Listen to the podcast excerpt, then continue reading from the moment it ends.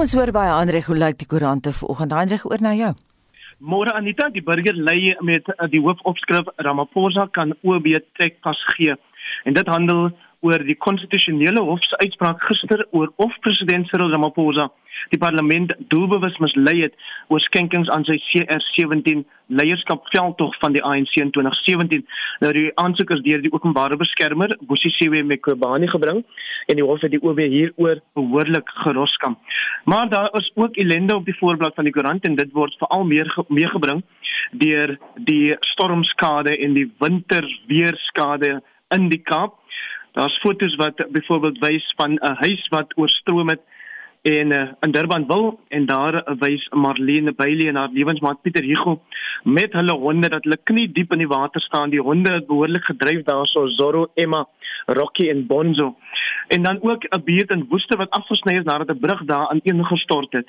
En dan eh, 'n uh, foto wat wys van die Joel wat die huise in Kraaifontein spoel en dit nou nadat 'n dam sy wal gebreek het daarso. Beeld se hoofopskrif handel ook oor die konstitusionele hof se uitsprake. Die hoofopskrif daar sê Cyril kan OB nou pos en dan word daar fotos van die president en die openbare beskermer gebruik. Volksblad.com het 'n heel ander berig. Dit is 'n gesinstragedie van 'n gesin wat in reise agteromstandighede gesterf het in Bloemfontein. Die pa is Terrence Kagande, die ma Cindy Kagande en dan het hulle matriekleerling dogter, uh, Jade Leonard en dan ook uh, die egpaar se 14-jarige seun Isaiah Kagandi. Daar word by die berig baie mooi gelukkige gesinsfoto gebruik en die polisie ondersoek nou klagte van moord en brandstigting. News24 lê op sy tuisblad met 'n eksklusiewe berig oor 'n brief wat sou aandui dat direkteur van Steinhof die voormalige uitvoerende hoof Marcus Jooste aanhou ondersteun het wel wetende dat van sy sakebesluite baie riskant was. Op vryweekblad.com skryf Max de Pre oor die konstitusionele hof se uitspraak in die Zondo en Zuma saak. Uh, die hoofopskrif daar sê dis poëtiese geregtigheid en uh, Max de Pre huldig dan die voormalige OB Tuli Madonsela wat die ondersoek na staatskaping aangevoer het aan haar heel laaste verslag en ook huldig hy regter Sisi Kampepe die waarnemende hoofregter wat die meerderheid uitspraak hierdie week gelewer het waardeur Zuma dan nou tot 15 maande tronkstraf gevonnis is weens sy weiering om voor die kommissie te verskyn. De Pre is een van ons gaste Sondag aan die kommentaar. Dit sal vir die eerste keer vir 'n uur lank duur en ons sal uiteraard die konstitusionele hof se uitsprake deeglik bespreek. Goeie redes om na kommentaar te luister Sondag aand.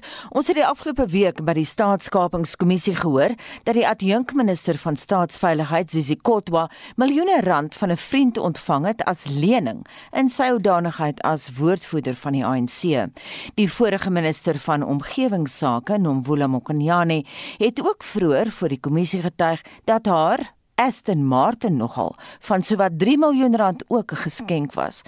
Nou in die lig daarvan wonder ons vanoggend watter soort geskenke het jy al van jou vriende ontvang? Ons praat van groot geskenke hier sonder om iets terug te verwag en hoe dit jou lewe of verander of vergemaklik.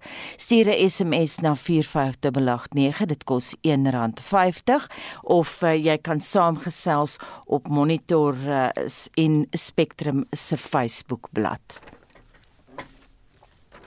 Honderde ondersteuners van oud-president Jacob Zuma het gister opgetrek na sy Nkandla woning in KZN. Hulle sê hulle is bereid om oorlog te voer eerder as om toe te laat dat hy in hegtenis geneem word. Zuma het tot Sondag kans om homself aan die polisie oor te gee en as hy dit nie doen nie, sal hy in hegtenis geneem word.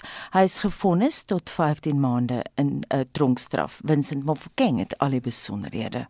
Honderde ondersteuners in ANC-drag het in solidariteit met die voormalige president na sy woning opgetrek. Hulle meen die konstitusionele hof se uitspraak is onregverdig en sê hulle sal weier dat wetstoepassers die voormalige president in hegtenis neem. Een van Zuma se ondersteuners, Ntando Kuzwayo, sê die konstitusionele hof het oorlog verklaar met Zuma se vonnisoplegging. We think it is senseless to take a 79-year-old man and put him behind bars during such a difficult time where people are dying of COVID and our jails are overpopulated as you would know. And if they want to arrest him, then they must they must arrest us. You know, we are ready to be arrested. I mean, I've got nothing to lose. I'm offering myself. Let me in his place and arrest me instead, because you can't arrest a 79-year-old man and put him behind bars and think he's going to survive. He's going to die in jail. We just entered third wave. But besides that, you, you can't be arresting uh, President Zuma uh, because of Mr. Zondo. Uh, Mr. Zondo, who didn't want to recuse himself from a commission that is conflicted. And he used his position as Deputy Chief Justice and he went and influenced other judges to, to bring this kind of, of, of judgment against Ngamalala. Inwoners van die gebied staan bankvas agter die voormalige president. Behalwe vir die ANC-ondersteuners, was daar ook plaaslike Zulu-regimente onder leiding van Inkosi Bekemuzi Zuma van die Nkamalala stam. Hy sê hulle verwerp ook die tronkstraf. Eh, he says the presence of Amabuto at Zuma's home is to show solidarity with him and they are also in pain of what is happening to former president. He says Amabuto have had enough. Skote is vermoedelik deur betogers in die lug afgevuur tydens die optog na Zuma se woning. Iets wat nie veel aandag ontvang het van die twee polisievoertuie wat in die gebied opgemerk is tydens betogings nie. Die was op die oog af besig met roetine patrollies. Die verslag is saamgestel deur Vusi Makosini en Nonkululeko Hlophe. Ek is Vincent Mufokeng vir SAI Garnis. Die president het gister die konstitusionele hof se uitspraak oor die openbare beskermer se bevindinge rakend 'n skenking van 500 000 rand aan president Ramaphosa se destydse CR17 veldtog verwelkom. Die hof het beslis dat die openbare beskermer Busisiwe Mqobane se bevinding dat hy vir die parlement gelieg het verkeerd is. Mitsi van der Merwe het meer. Mqobane het die verwerping van die Gautengse Hooggeregshof van haar Junie 2019 verslag oor Ramaphosa se 2017 veldtog vir die ANC presidentskap teengestaan. Die hoogste hof in die land het egter beslis dat Ramaphosa nie met opset vals inligting verskaf het nie en dat hy nie persoonlik gebaat het by die skenking nie. Daar is ook bevind dat Mqobane buite haar amp opgetree het. Die DA se leier in 2017, Musi Maimani, en die EFF leier Julius Malema het eerste beswaar gemaak na president Cyril Ramaphosa se erkenning dat die 500 000 rand wat hy aan die parlement gesê het vir dienste gelewer was deur sy seun aan African Global Operation eintlik vir sy presidentsiële veldtog was. Die maatskappy was voorheen as Bosasa bekend. Regter Chris Jafta het in die uitspraak gesê dat die OB in haar verslag buite die omvang van die raamwerk van haar ondersoek opgetree het. It should be noted that both complaints did not refer to the president's failure to declare donations to the CR17 campaign, nor did they raise concerns in relation to the affairs of that campaign as constituting a breach of the code, which was the legal instrument on which the complaints were based. Regter Jafta sê dat Mqobani daarop gerig was om te bevind dat Ramaphosa nie die waarheid gepraat het in die parlement nie omdat sy selfs die bewoording van die uitvoerende kode van etiek verander het om in haar guns te tel. It appears from the report that the public protector accepted that the president was not willful. In one part of the report, the public protector recorded that the president's open code conduct referred to above, although in good faith, is inconsistent with his office as a member of cabinet. But instead of making the finding that the president did not willfully mislead parliament, the public protector effectively changed the wording of paragraph 2.3 to include deliberate or inadvertent misleading of the legislature so as to cover the situation where willfulness was not established. Die konstitusionele hof het Mqobani se bevinding verwerp wat bevind het dat Ramaphosa homself en sy familie wou verryk. There was no shred of evidence that African global operations or the president and his son had anything to do with the operation of that account. Instead, the evidence on record is to the effect that the president had no say and was not involved in the running of that account. This evidence was not disputed. Daar is beslis dat die OB nie oor die jurisdiksie beskik het om die sake van die CR17 veldtog te ondersoek nie. Ook is bygevoeg dat die sake van politieke partye privaat is en buite die OB se mandaat is. Regter Jafta het Mqobani se poging om agterdog wat geldwasery betref as volg hanteer. The public protector found that the 500,000 donation from the CEO of African Global Operations passed through several intermediaries, and this raised a suspicion of money laundering. But the evidence placed before her dispelled all this. The donation passed through only one account and not several intermediaries. Regter Jafta het namens die konstitusionele hof die Maart 2020 beslissing van die Gauteng Hooggeregshof gehandhaaf wat foute in die reg met betrekking tot Mqobani se ondersoek uitgewys het insluitend die naamlose eposse wat sy in haar verslag gebruik het. I received many documents from anonymous whistleblowers. These emails were provided to my office anonymously and in hard copies. It is also for that reason that I have no metadata in respect thereof, close quote. This was a response to the President's allegations that the emails contained private information that was protected in law and which was unlawfully obtained by the public protector.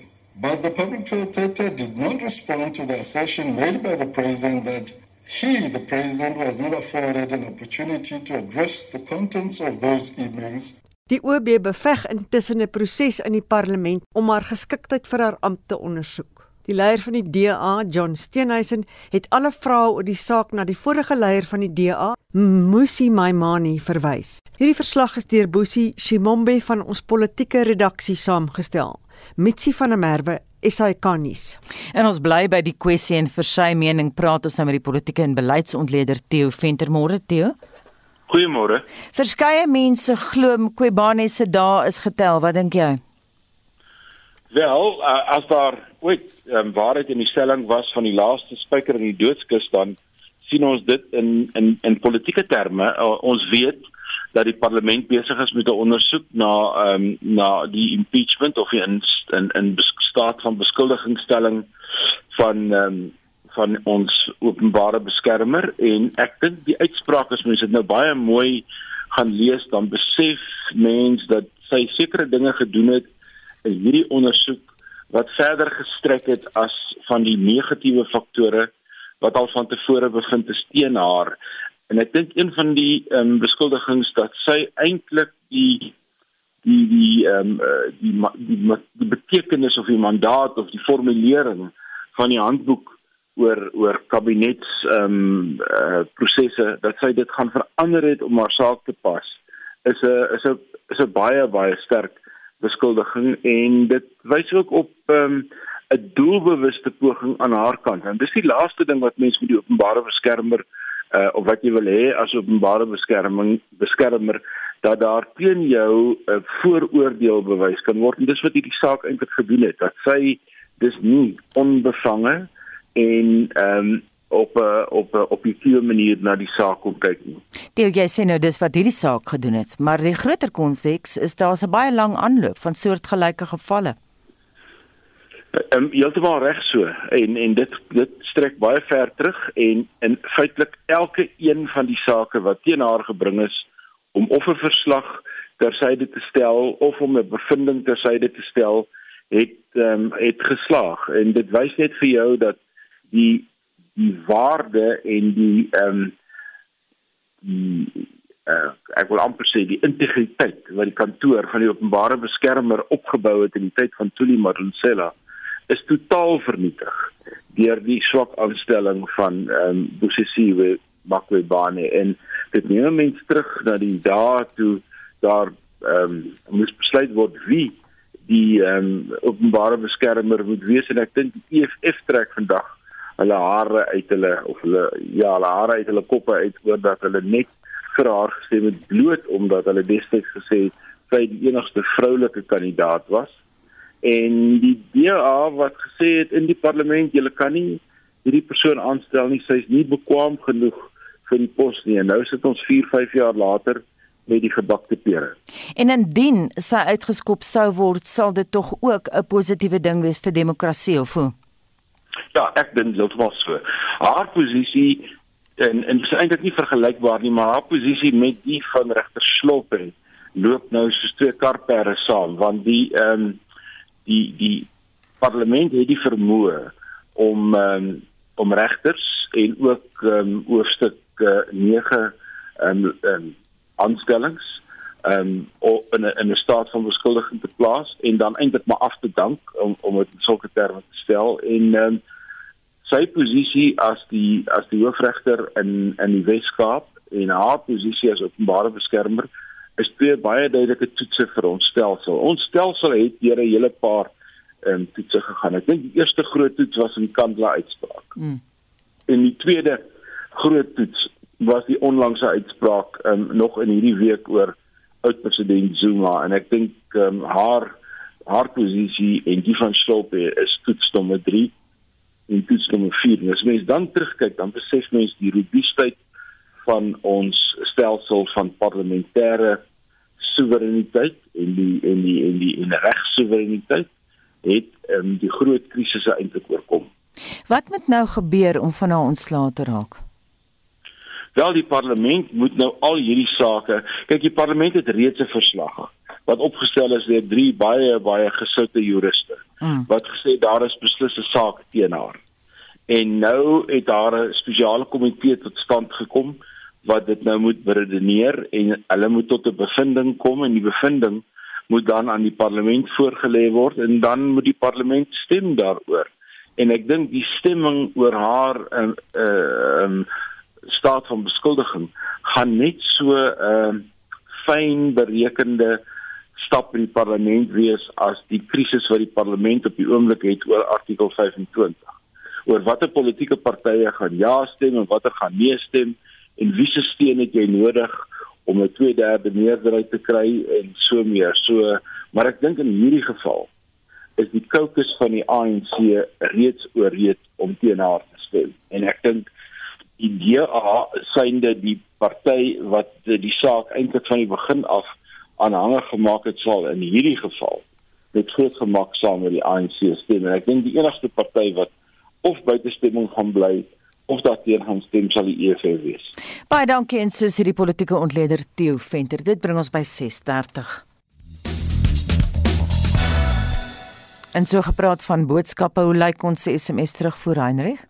So aan die tans vra vanoggend vir luisteraars of hulle vriende het wat al vir hulle onverwagse geskenke gegee het. Ehm um, dalk nou nie hierdie peperduur geskenke wat die adjunkminister van staatsveiligheid Gigi Kotwa en uh, byvoorbeeld Nomvula Mokonyane die voormalige minister van omgewingsake van hulle vriende ontvang het nie.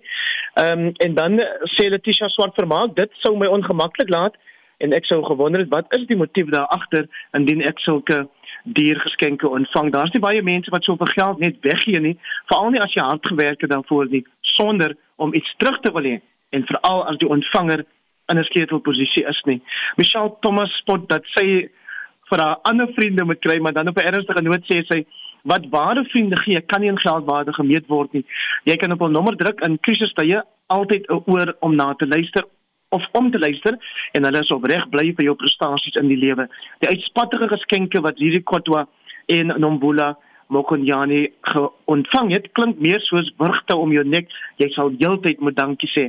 En dan van Deventer skryf, ek wens ek het sulke vriende, maar helaas nie. En my lewe is nog dieselfde. My ouma het gesê, jy is vir 'n tikkie gebore en sal met 'n tikkie doodgaan. Henry Steenkamp sê, of vra, kry jy nog sulke mense? en familie. 4589 is ook die nommer waar jy net vir ons jou terugvoer stuur oor ons luisteraars vraag vanoggend. Dit sal jou ook 150 kos vir jou terugvoering en dan kan jy op die Monitoring Spectrum op RSG Facebookblad lekker saamgesels. Die persoon wat nou sê jy sal vir ewig dankie sê. Ek kan nie help om te wonder wat sê mens vir 'n Aston Martin, hoe lank sê jy dankie. Die name van Johannesburg se leeuspan wat die Ierse leeu's die naweek die stryd aansê is nou bekend gemaak. Die plaaslike span se breier, Ivan van Rooyen, het verras met sy spankeuses, maar is dit genoeg om die Ire te laat les opsê? Hendrik Kronje, 'n spesialis rugby skrywer, het aan Vincent Mofokeng gesê hy twyfel of Johannesburg se topspelers genoeg ervaring het om die Britse span onder leiding van hulle kaptein Stuart Hogg te oorwin.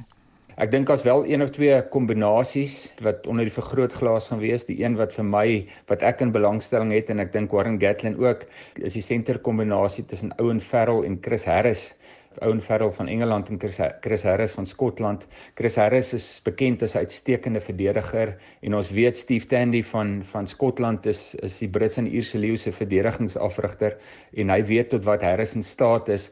Ons het die vorige naweek gesien Warren Gatland het vir Bundi Aki en vir Robbie Henshaw Henshaw was die senterkombinasie teen Japan gewees. Hulle het uitstekend gevaar. Bundi Aki dis hy op die aanval rig 'n groot bedreiging vir enige span en hy sal ook vir die bokke 'n bedreiging daar rig en hy verdedig goed. Enshaw was vir my baie goed op die aanval gewees. Maar uh, Harris is die definitief Harris die buitesenter wat die naweek speel van Skotland. Hy's definitief die beter verdediger uh, tussen hom en Enshaw en dan net op 12 tussen Aki en Owen Farrell.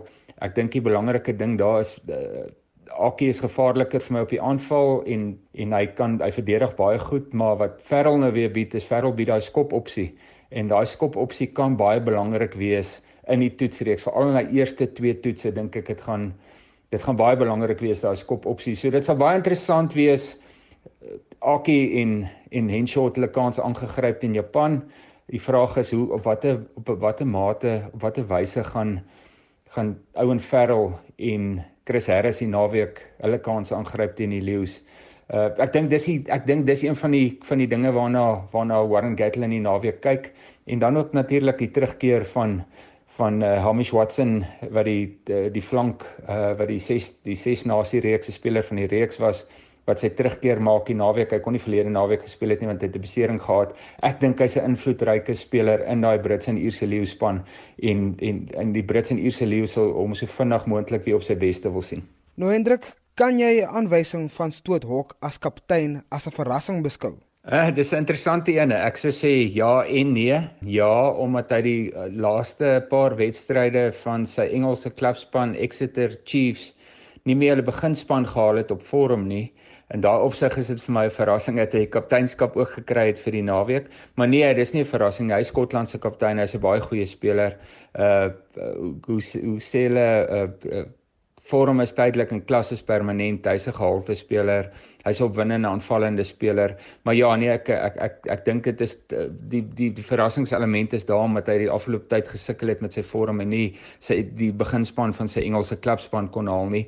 Uh dis die enigste werklike verrassing. Dis maar gebruik op toer dat die dat jou kaptein nie al in elke wedstryd die kaptein kan wees nie. So daai opsig is nie so groot verrassing nie. Dit is wel opwindend om hom op ehm uh, op heel agter te sien met Finn Russell op op loskakel. Albei is uiters talentvolle en aanvallende spelers en uh ek dink hulle gaan jy weet dis duideliker die Brits en Ierse leeu's beplan om die bal daar op die hoofveld lekker lig te gee en aanvallende rugby te speel. Ek het uh ek dink as die as die geleentheid uh, daar is dan gaan hulle die bal lekker wyd gooi en uh ons gaan hardloop rugby sien veral met 'n persoon soos Louis Rees Zamet op op vleuel ook um, hy's een van die opwindendste aanvallende spelers wat daar is en uh sy kansse mooi gebruik vroeër vroeër jaar vir vir Wallis en um, 'n mens sien uit om hom in die Britse in die trui van die Britse en die Ierse leeu's te sien. En staan die Johannesburgse leeu's 'n kans om die besoekers te verras? Nee, ek dink nie die Johannesburgse leeu's het genoeg ehm um, skiet goed uh in hul span om die om die besoekers te verras en te klop nie. Uh hulle het net een springbok in hulle geleerdere Roan Dreyer op vaskop sit. Janie Du Plessis en Jaco Kriel, twee ander springbokke was aanvanklik in die vergrote groep gewees, maar hulle het toe nie die finale 23 tal gehaal nie. Daar's wel een of twee individuele twee stryde uh, twee stryde wat 'n mens nou kan uitsien in die kragmeting. Ek dink Raps Maxwani op linkervleuel is 'n opwindende aanvaller. Hy geniet dit om 'n ligskoppie te gee om agterna te sit, oor 'n plat te trek doel en dan oor 'n plat te trek doellyn toe. Ek dink hy en Louis Ries Zamet kan nogal kan nogal 'n goeie twee stryd afgee. Op binne senter sal ou uitsien hoe hoe eh, Burger Orendal teen Ouen Ferrel vaar. Jordan Hendricks het die loskakel van die Lions is opwindende speler. Hy is ook die junior bokke se loskakel. Ek dink hy doen baie goed nadat Elton Jantjies weggespeel Lions en uh mense sal wel sien hoe vaar hy teen teen Finn Russell. Dit sal opwindend wees op skrinskakel Dylan Smith wat teen al die pryse te strand kom. Uh en nag voorlands is ook al een of twee opwindende st uh, stryde. Ek, ek mense sal wel sien hoe vaar Vincent Chituka op op flank. Hy het 'n baie goeie jaar en 'n goeie seisoen en uh, mense sal sien uh hoe vaar dit teen 'n internasionale span en en toetspelers. Uh Ruben Skuman op op slot speel goeie rugby. Ja, die Lions is 'n goeie span, maar hulle is meer 'n hulle het nie daai individuele briljantheid wat die Lions dalk in hulle geleedere het op op uh, op heel agter en loskakel. Oral het hulle spelers wat wat wat oor die X-faktor beskik en mense voel die Lions is eerder 'n beter span as wat hulle klomp individuele sterre het. Maar dit gaan nietemin 'n 'n goeie toets vir vir die besoekers wees, maar ek dink hulle sal hom hulle sal hom uh, uh, uh, redelik gemaklik wen. En dit dan die spesialis rugby skrywer Hendrik Kronee en hy het met Vincent Mofokeng gepraat. Die wet op verkeersoortredings, bekend as ARTO, is gister amptelik deur die minister van vervoer, Fikile geloods.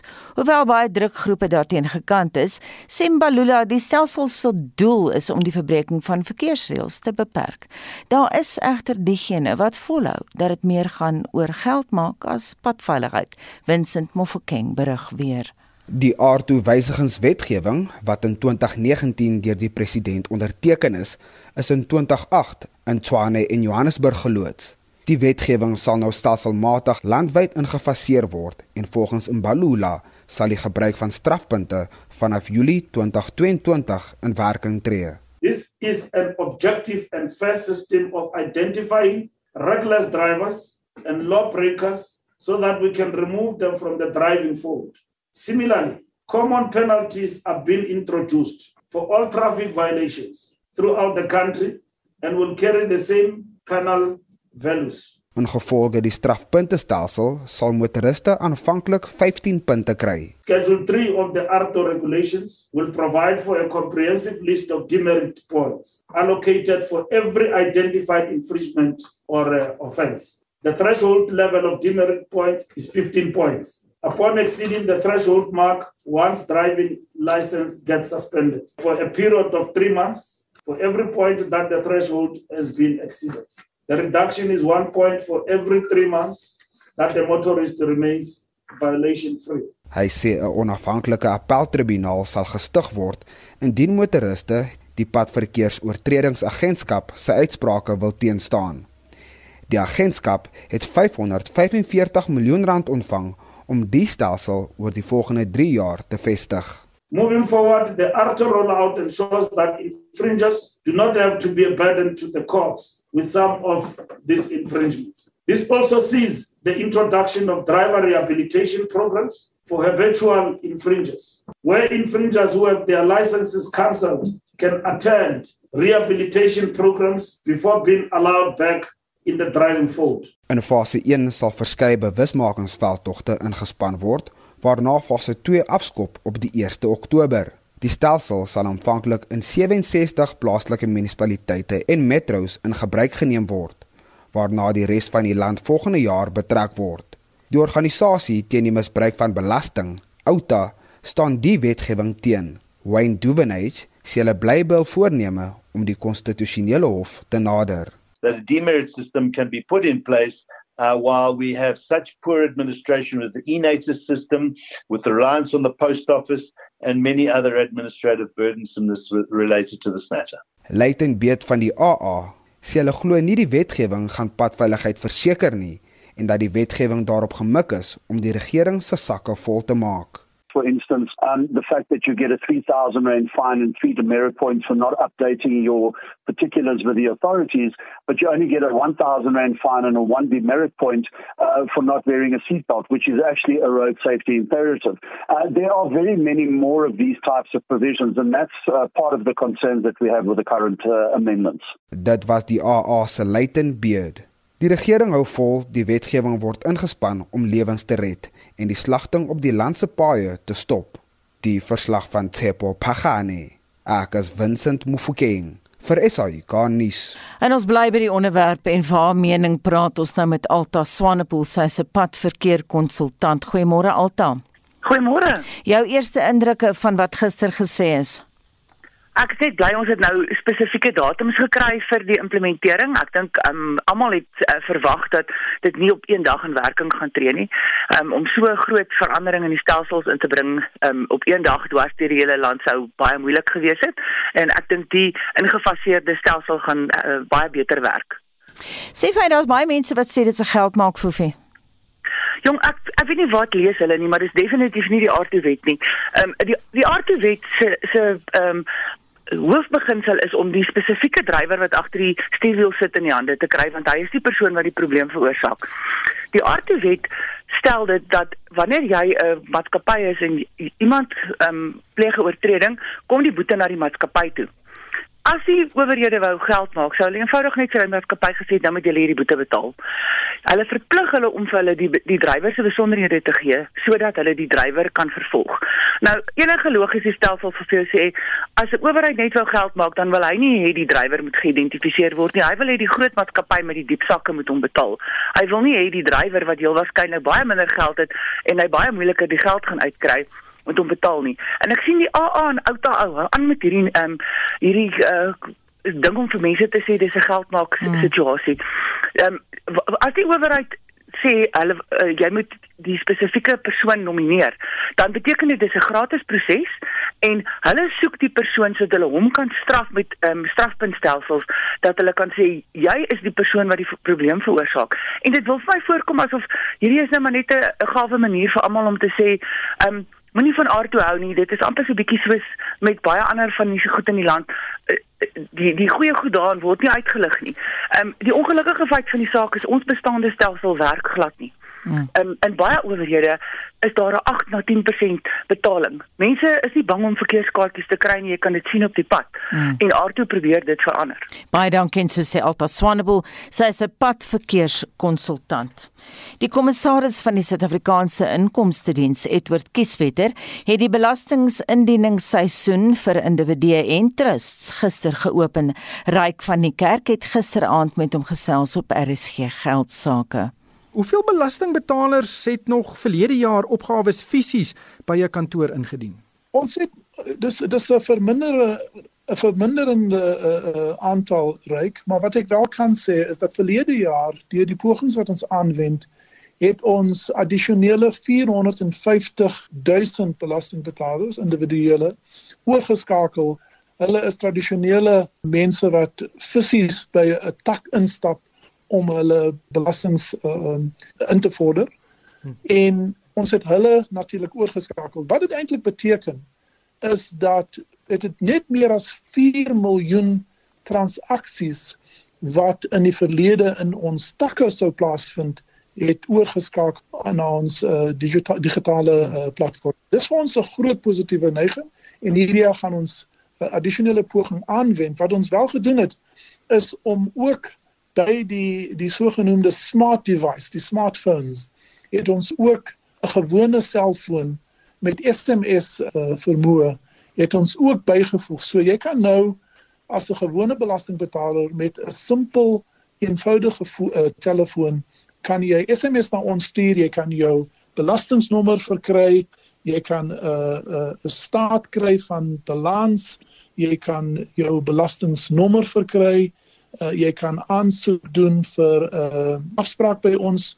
So net by die uitbreiding van van die die wyse waarop jy kan uh, onderhandel met SARS het ons uh, gaan ons ons kanse vermeerder om meer uh, tradisionele uh, kom ons sê maar tak hmm. uh, in jou opgawe van jaar in te dien teenoor verlede jaar se proses? Dit bestaan nog steeds uit eerstens die die tradisionele e-filing platform en dan die SARS Mobi app. Uh dis die twee hoof kanale wat jy kan gebruik. Wat ons wel gedoen het hierdie jaar is om verbeteringe aan te bring. So byvoorbeeld op die Mobi app uh met die uh outomatiese aanslag wat ons uh uitstuur, kon jy verlede jaar net jou aanslag uh resultaat sien. Jy kon nie die berekening sien nie. Jy kon addisionele inligting vir ons indien met die addisionele uh, dokumente wat dit staaf. Wat verwag julle uh, in gevolge hierdie tipe van terugeis of um, terug um, afskrywings wat sommige belastingbetalers maak wat van die huis af moes werk? Jy weet reg, ek dink dis ook uh, dankie vir daardie vraag want dis ongelukkig 'n area vir misbruik.